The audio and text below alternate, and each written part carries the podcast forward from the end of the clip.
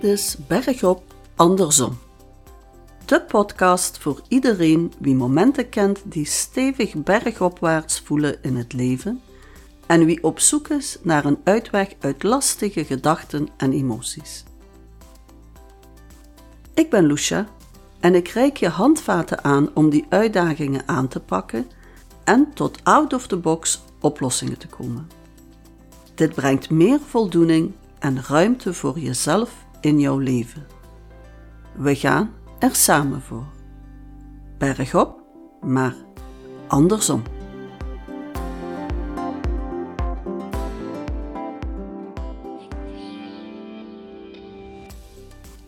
En ik ben Rina. En ik zit hier vandaag bij Lucia met haar hond Paco aan haar voeten en uitzicht op haar tuintje. Tegen de muur hangen twee grote posters van de Game of Thrones.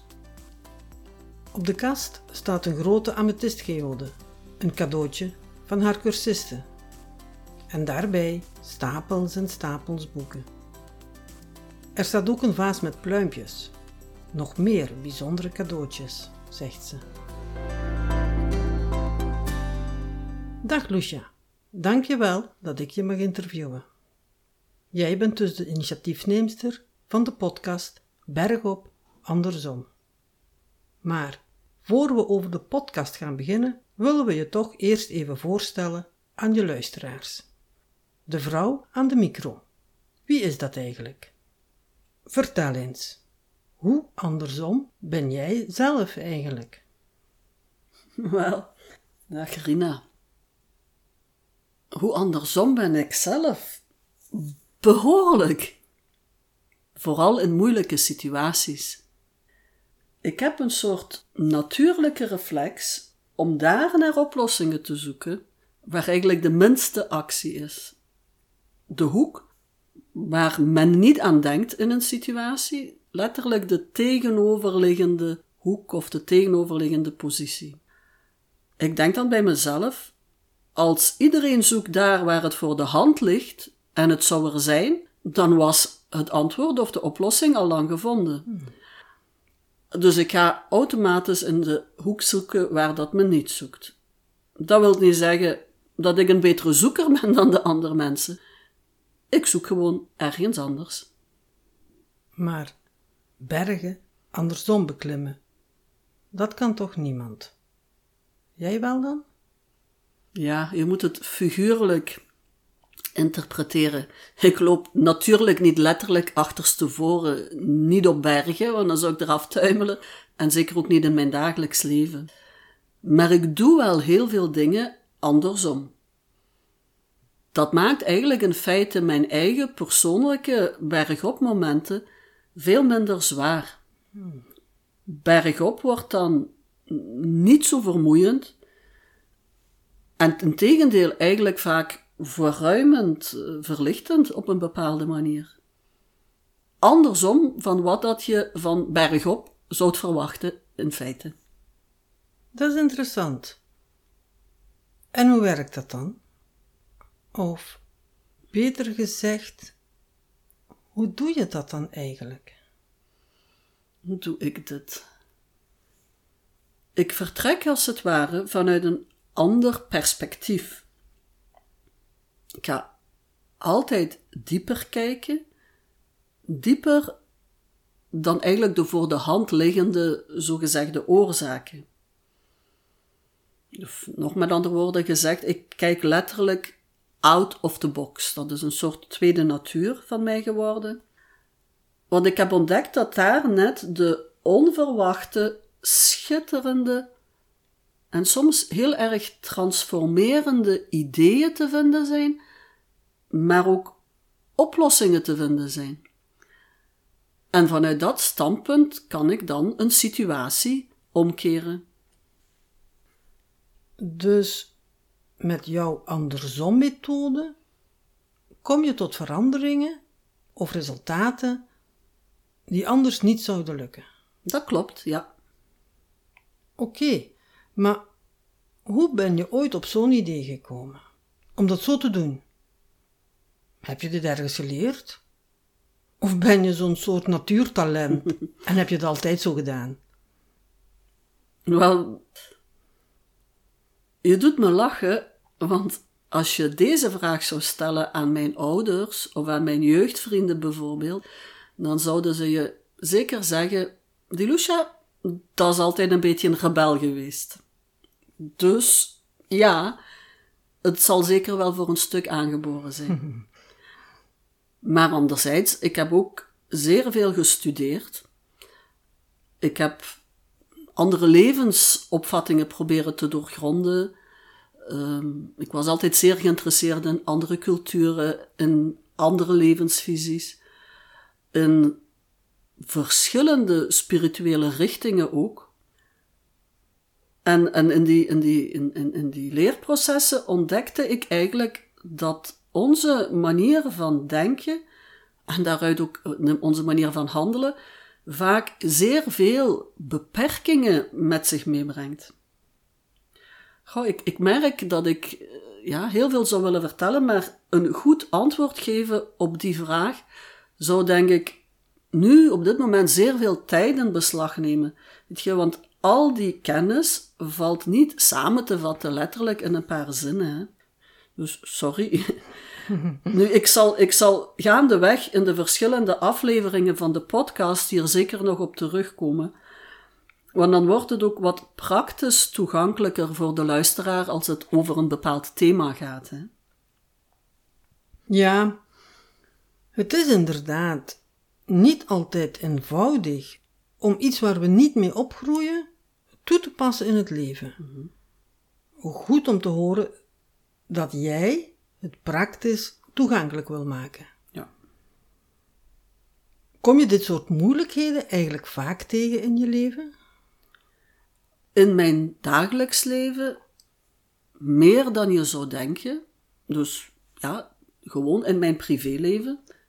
Maar zeer zeker ook in mijn coachingpraktijk. Er zijn heel veel mensen die zich als het ware met de neus in de hoek hebben gelopen in hun leven. Die mensen gaan dan heel hard hun best doen om, om uit die hoek te geraken, om ergens te geraken, maar ze geraken niet verder. En dat maakt dat ze het gevoel hebben dat hun levensberg letterlijk echt hè, veel te hoog is. Dus ja, ik kom dat soort ja, moeilijkheden vaker tegen. Oké, dat vastlopen in een hoek komt vaak voor. Maar je noemt net jouw coachingpraktijk. Wil je ons daar wat meer over vertellen? Over hoe die is ontstaan misschien? Zeker. Nu, vanuit mijn persoonlijke zoektocht naar antwoorden van jongs af aan eigenlijk al, deed ik een omzwerving van vele jaren van zelfstudie. Stapels boeken bijvoorbeeld over toegepaste psychologie.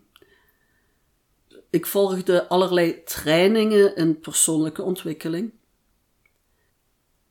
Maar ik deed ook zo wat alles wat zich destijds in de zogenaamde New Age hoek aanbood.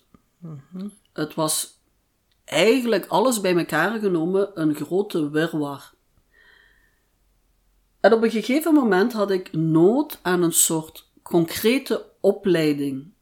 Eigenlijk eh, had ik het nodig dat al die flarden van kennis, die vele flarden van kennis en ervaringen, gestructureerd in iets samenkwamen. Dan ben ik op zoek gegaan en ik vond in Nederland het SIO, de School voor Intuïtieve Ontwikkeling van Maria Major. En ik volgde daar een driejarige opleiding tot psycho-energetisch therapeute. En daar vond ik eigenlijk wat ik zocht, want dat bracht al mijn kennis samen onder één dak, onder één noemer als het ware. En zo is in principe mijn praktijk ontstaan. En zo ben je dus therapeute geworden? Nee hoor, niet echt. Op het einde van die opleiding wist ik heel duidelijk dat ik helemaal geen therapeute wilde zijn. Toch niet in de gewone zin van het woord, wat de meeste mensen daaronder begrijpen. Want Ik wilde absoluut niet dat mensen afhankelijk werden van mijn kunnen als therapeute. Ik wilde eigenlijk hen veel liever leren wat dat ik geleerd had. Ik wilde hen sterker maken in het zelf goed voor zichzelf zorgen. Wauw. Jij gaat dus drie jaar een studie volgen om iets te worden wat je dan niet wil zijn. Dat is behoorlijk andersom, lijkt me. Hoe heb je dat dan opgelost? Vanuit die behoefte om mensen die onafhankelijkheid aan te reiken, ben ik al vrij snel cursussen gaan ontwikkelen. Dat resulteerde in een vijftigtal lessen, cursussen, workshops en dergelijke, die ik ben gaan maken om mensen te leren zichzelf te begrijpen in moeilijke omstandigheden. En ik wilde daarmee de mensen in hun kracht plaatsen. Daarvoor was ik wel bereid om hard te werken. Om al mijn kennis in te zetten voor die onafhankelijkheid bij hen. En als ik daar nu zo op terugkijk, doe ik dat in feite nog tot op heden. Na twintig jaar praktijk ben ik nog steeds ervan overtuigd dat mensen beter geholpen worden door hen onafhankelijk te maken van wie dan ook. Oké, je geeft dus les. Maar je hebt daarbij ook een praktijk, maar dan niet als therapeute. Kan je misschien ook wat concreter uitleggen wat je dan in die praktijk doet? Geef je dan toch één op één therapie? Terwijl je die eigenlijk niet wilt geven? Wel, ik geef zeker één op één sessies. Maar ik noem dit inderdaad liever niet therapie. Ik geef eerder individuele coachings of counseling wordt het wel eens genoemd. En eigenlijk tijdens die één op één sessies geef ik eigenlijk ook zeer veel lessen mee aan de mensen. Dus ik blijf toch in die leraarfunctie staan. Op maat dan eigenlijk, individueel. In de vorm van handleidingen of een stappenplan, hoe dat mensen iets kunnen aanpakken in hun leven, met tips, met huiswerk.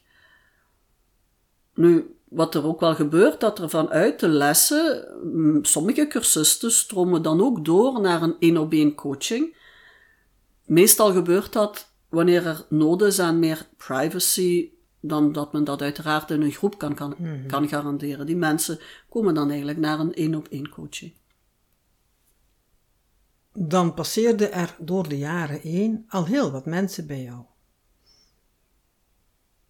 Kan je misschien een beetje aangeven welk soort mensen zich er dan aangetrokken voelen om naar jouw cursussen of naar die individuele coachings te komen?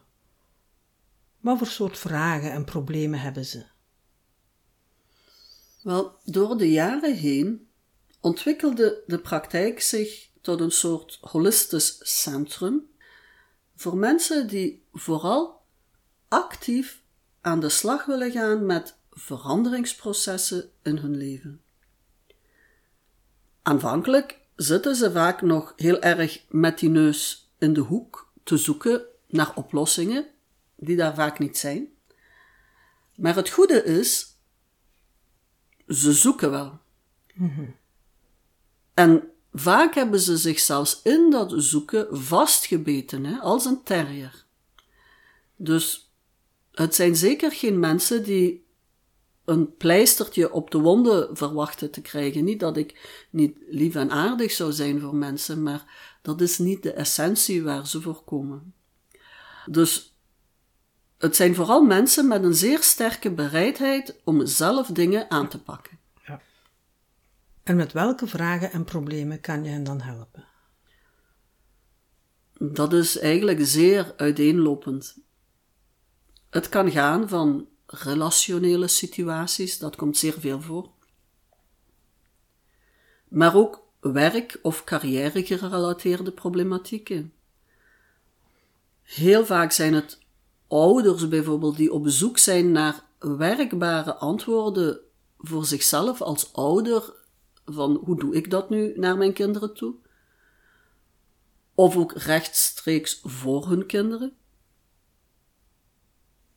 Er komen ook mensen met onzegbare trauma's, die ze maar met zich meedragen, vaak al jaren met zich meedragen, en die ze achter zich willen laten. Ik krijg ook zeer veel vragen rond afscheidsprocessen, als mensen iets moeten loslaten, als men iets heeft verloren. Zowel de gewone afscheidsprocessen als de echte rouwprocessen bij overlijden. Mm je hebt ook een hele duidelijke categorie van mensen die letterlijk op een kruispunt staan in hun leven en die hele belangrijke of moeilijke keuzes moeten maken, uh, die daar eigenlijk een stuk hulp bij nodig hebben. Goh. Kortom, eigenlijk alles wat de mens uitdaagt, om verandering vraagt, van wie dat ze eigenlijk dachten te zijn. Hè?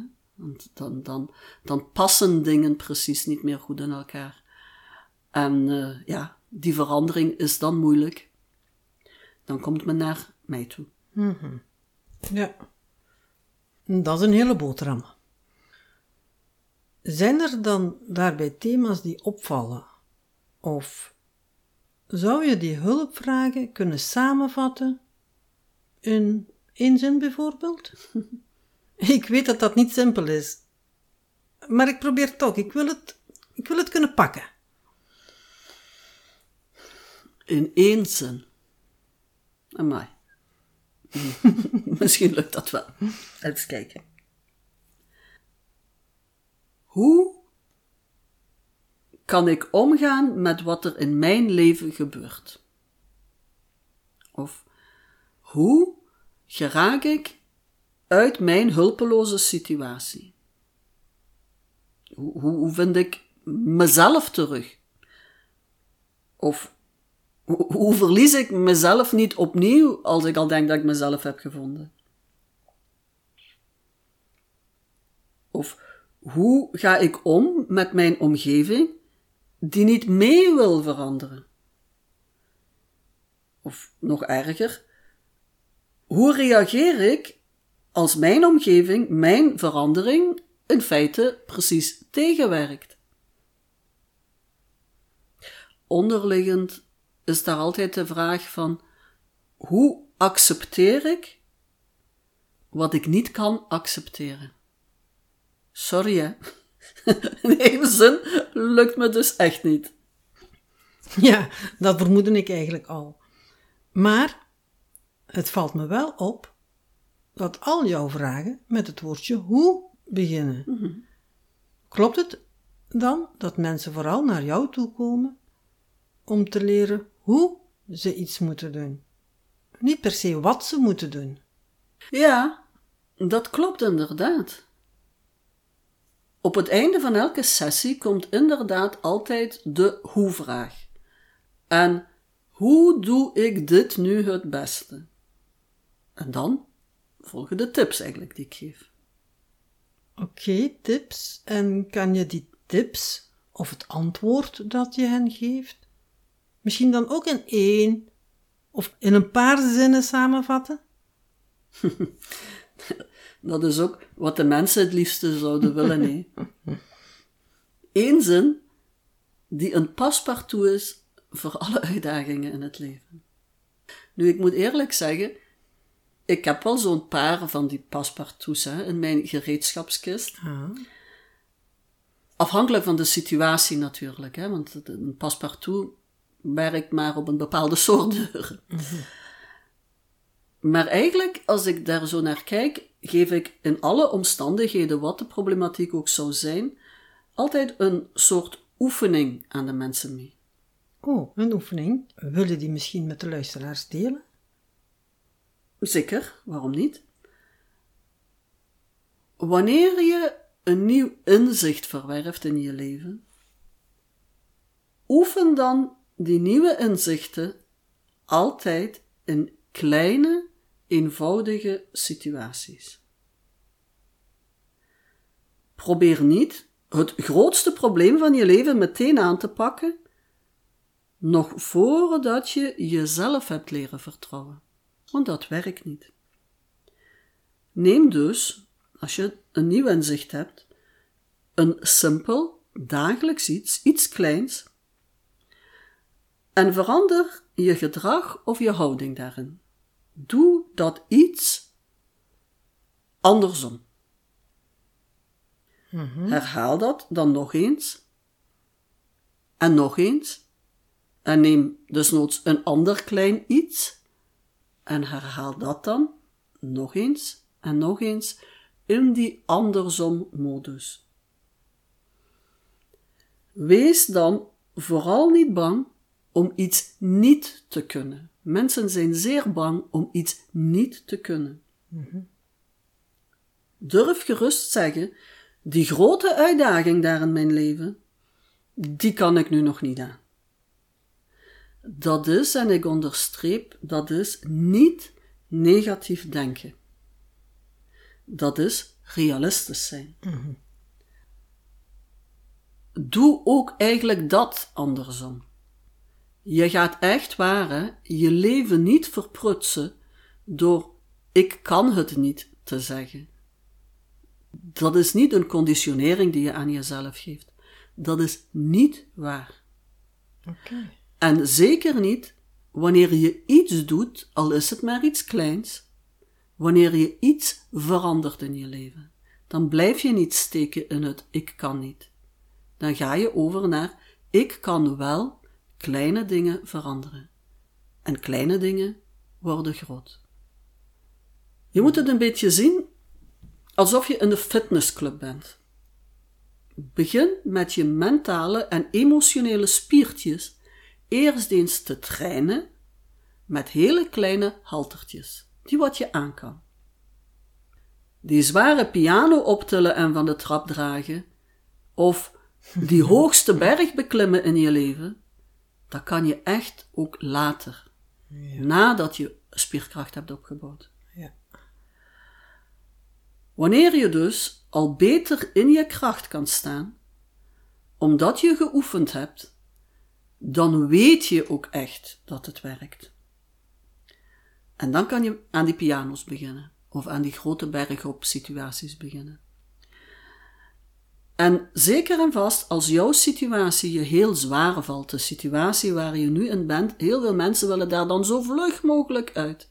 En dan zeg ik, haast je niet. Want als je daar zo vlug mogelijk uit wilt geraken en je bent nog niet zeker van je tools om te gebruiken, dan werkt dat contraproductief. Dan lukt dat niet. Je gaat zien, wanneer dat je kleine dingetjes gaat veranderen, hoeveel kracht jij eigenlijk haalt uit die kleine successen. En dat is andersom dan dat je zou denken van laten we dat zware maar aanpakken, dan zijn we er vanaf. Dus je haalt kracht uit de kleine successen en dat werkt en dat telt. En voor heel veel mensen is dat eigenlijk een hele opluchting van zo, oef, ik hoef niet meteen die grote klussen aan te pakken. En net daarin verwerft men de kracht om juist die grote klussen wel aan te pakken in de toekomst. Ja. Het andersom principe hierin, eh, hierin is eigenlijk, doe niet eerst dat wat dat je het liefste zou veranderen, doe dat wat je het gemakkelijkste kan veranderen. Op korte termijn. Dat is mooi. Geen antwoord in de vorm van één zin. Wel in de vorm van een heel waardevolle oefening. Een zeer goede tip lijkt me dat in tal van dagelijkse situaties. Houd het klein. Ja, dat is mooi samengevat. Houd het klein. Toch in één zin dus, dankjewel. Oké, maar nu naar de podcast zelf. Al die luisteraars van deze podcast zitten toch niet persoonlijk bij jou in de praktijk. Ze hebben allemaal andere levensvragen. Je kan dus niet, zoals je dat waarschijnlijk wel gewend bent, op maat werken. Hoe kan je mensen antwoorden bieden terwijl je hun vragen niet eens kent? Hoe ga je mensen coachen binnen dat beperkte kader van een podcast? Ja, ik begrijp zeer goed je bekommernissen. Maar in de podcast beantwoord ik ook geen directe of persoonlijke vragen. Althans niet in de afleveringen die ik elke eerste vrijdag van de maand uh, ga laten uitzenden. Die, die persoonlijke vragen die komen later in andere afleveringen. Oh, oeps, nu heb ik alvast iets verklapt. nou, dus hier gaan we even stoppen. Mm -hmm. Dat is voor later dit najaar. Oké. Nee, nee. In de podcast geef ik vooral heel veel uit het leven gegrepen voorbeelden en ook tips hoe een situatie andersom gekeerd kan worden. Dus het zijn voorbeeldsituaties. Ik toon de waarde aan van het out-of-the-box gedrag, of hoe je ook zelf kunt vertrekken vanuit een andere visie. Nu, soms zal ik ook algemene vragen gebruiken die in principe voor iedereen interessant kunnen zijn.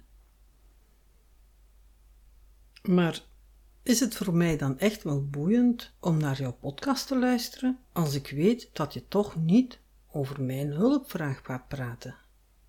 Zeker wel. Elke levenssituatie heeft dus vergelijkbare aanknopingspunten. Eigenlijk maakt een mens in het leven dezelfde patronen mee, ook al zijn de situaties anders. In die vergelijkbare aanknopingspunten kan je je als luisteraar ook jezelf daarin gaan herkennen. En daarover kan je dan zelf nadenken en eigenlijk verfrissende conclusies trekken voor jouw persoonlijke situatie. Mhm. Je kan dus op jouw manier ook het andersom-principe proberen toe te passen. In feite heb je mij niet naast jou nodig of niet voor jou nodig om goede dingen te doen met wat dat ik zeg. Hè. Je hebt geen mhm. sessie met mij nodig om te kunnen gebruiken wat dat ik je in de podcast aanreik. Okay. Dus je moet het zo zien dat die podcasts eigenlijk momenten van inspiratie zijn die voor iedereen in de praktijk toepasbaar zijn. Ik kan het misschien ook zo zeggen. Elke nieuwe podcast benadert het andersom-principe vanuit een andere invalshoek. Elke nieuwe podcast biedt een herhalingsoefening aan vanuit een nieuw perspectief. Mhm. Elke nieuwe podcast reikt je nieuwe toepassingsgebieden aan en opent eigenlijk op die manier als het ware het venster van jouw bewustzijn voor een nieuwe wind in je leven, wat dat ook mogen zijn. Oké.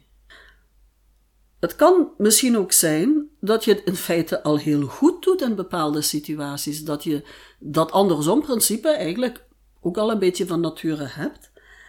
En dan kan je je daar ook in herkennen en jezelf een dikke pluim geven en doe dat vooral dan weet je al dat je iets heel goed kan, iets wat werkt.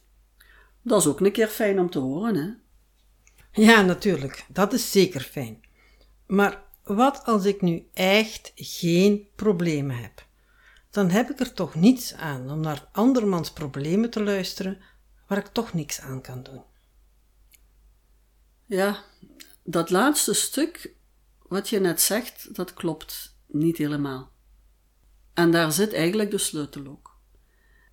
Ik begrijp heel goed dat iemand geen boodschap heeft aan moeilijke verhalen of problemen. Nou, we willen allemaal het leven een beetje positief en luchtig en aangenaam hebben.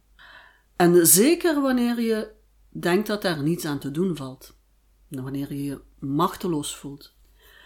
Maar het klopt niet dat de podcast jou machteloos zal achterlaten met problemen die niet de jouwe zijn. Zelfs al ben je dolgelukkig in jouw leven, dan nog, en daar ben ik van overtuigd, zijn er zeker mensen die je nauw aan het hart liggen, bij wie dat dat gelukkig zijn precies niet zo goed lukt. Jij kan in die podcast eigenlijk zeer waardevolle tips verzamelen om op jouw manier die mensen die je lief hebt, die je graag ziet, beter te ondersteunen. Of op zijn minst word jij daarin ondersteund. Al was het alleen maar dat je ze naar de podcast kunt verwijzen als een tool waar dat ze dan zelf weer verder mee kunnen aan de slag gaan. Want het is één ding om iets al zelf goed te kunnen, het is een heel ander iets om dat aan iemand anders uit te leggen. Ja. Om uit te leggen wat jij misschien al heel lang weet, het is niet eenvoudig om dat zelf over te brengen. En dan is het ook een ondersteuning voor jou om een podcast te hebben waar dat je tegen iemand kunt zeggen: luister hier eens naar. Dit gaat volgens mij over jouw probleem en hoe dat je daarmee aan de slag kan gaan, zonder dat jij je adem daar eigenlijk aan moet spenderen, wetende van ik kan het hier eigenlijk toch niet zo goed uitleggen. Dus je haalt er altijd iets uit. Mhm, dat is zo. Dat is eigenlijk heel fijn om te horen. Eens kijken. Ik zou dit interview eigenlijk willen afronden met nog een paar persoonlijke vragen. Mag dat? Ja, doe maar. Ik ben benieuwd.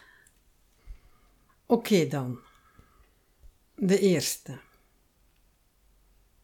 Waar word jij zelf heel erg blij van? Eerlijk. Ik word blij van ieder klein stapje dat ik iemand zie zetten om meer zichzelf te zijn. Ik word blij om mensen te zien functioneren vanuit hun autonomie. Ik word heel blij wanneer ik lichtjes in hun ogen zie. Maar ook wanneer ik hun kracht zie.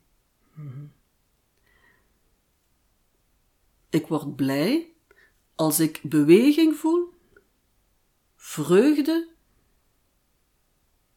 maar ook kwetsbaarheid die zich veilig voelt. Als fijne, liefdevolle energie van mens naar mens stromen kan. Daar kan ik echt van genieten. Mooi om te horen. Maar nu een omgekeerde vraag. Wat maakt je verdrietig of stelt je teleur?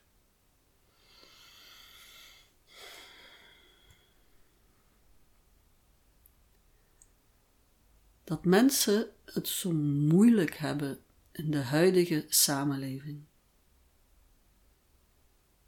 Dat ze eigenlijk door allerlei omstandigheden zeer zwaar overvraagd worden. Of zichzelf overvragen soms. Dat ik prachtige mensen letterlijk zie opbranden in het leven. Terwijl ik net zo graag die mensen zie oplichten en blij zijn en vooruitkomen. Dat vind ik moeilijk. Ja, ik kan me voorstellen dat dit niet fijn is voor jou om dit te zien. Is dit dan jouw motivatie om met je podcast Berg, anders, Bergop Andersom sorry, te beginnen? Of is er misschien nog iets? Wel, vanaf het begin, van begin af aan van mijn praktijk eigenlijk, intussen meer dan twintig jaar geleden, wilde ik al graag drempelverlagend hulp bieden aan mensen. Hulp toegankelijk maken. Een podcast is volgens mij iets dat voor iedereen toegankelijk is.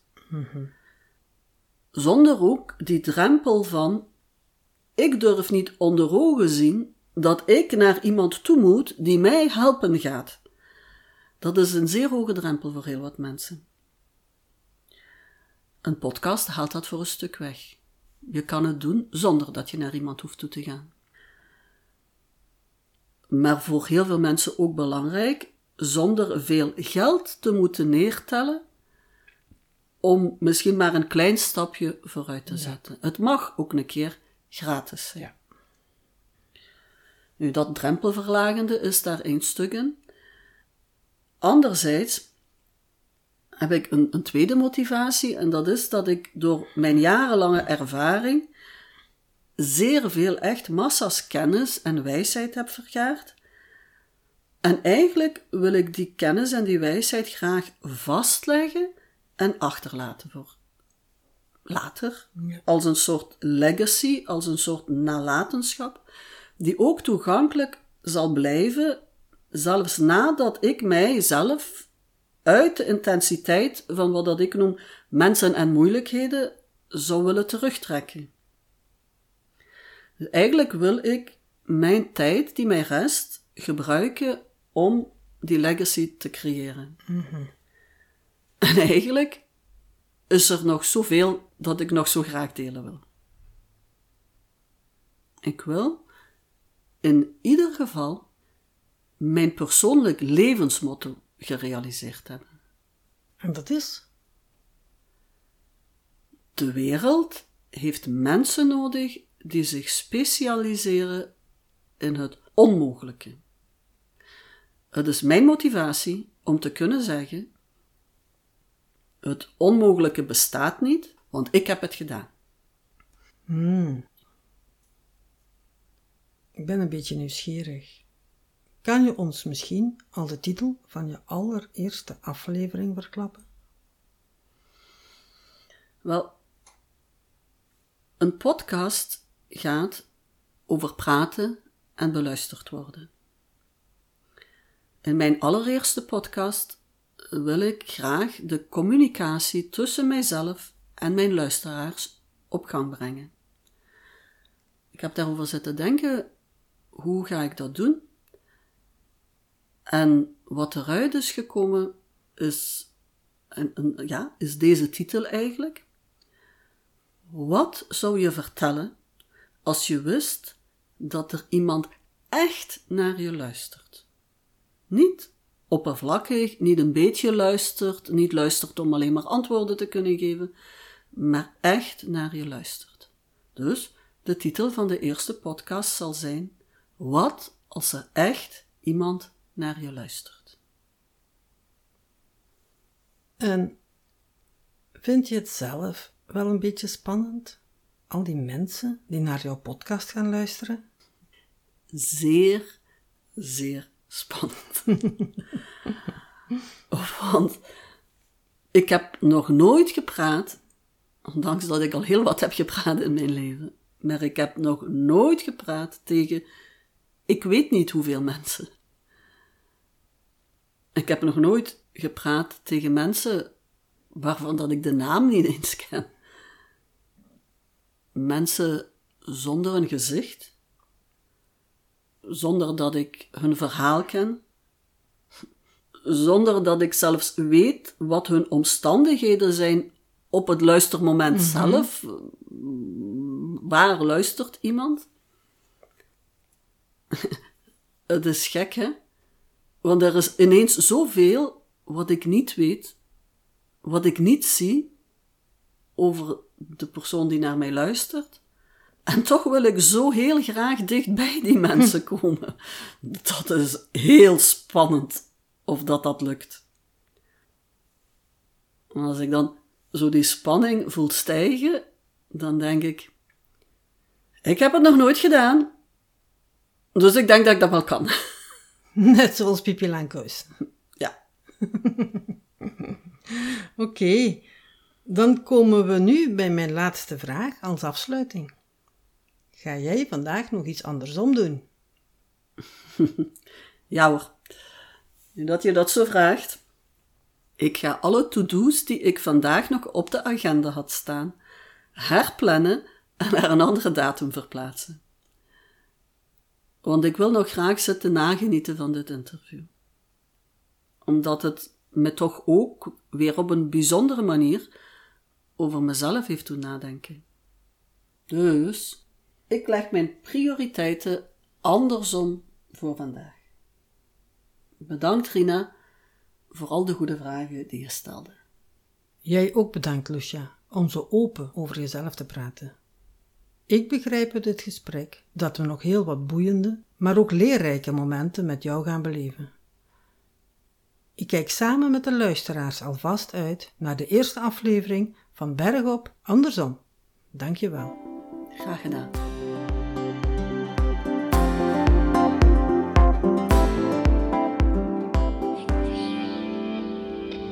Superleuk dat je tijd nam voor jezelf en luisterde naar deze podcast. Dank je wel en heel veel succes bij jouw persoonlijke bergop andersom ervaringen. Elke eerste vrijdag van de maand hebben we samen een luisterdate. Ik kom dan naast je zitten in de figuurlijke stoeltjeslift die bergop gaat op jouw levensberg. Heeft deze podcast iets voor je betekend en ben je op waardevolle ideeën gekomen? Deel hem dan gerust met je vrienden via jouw sociale mediakanalen.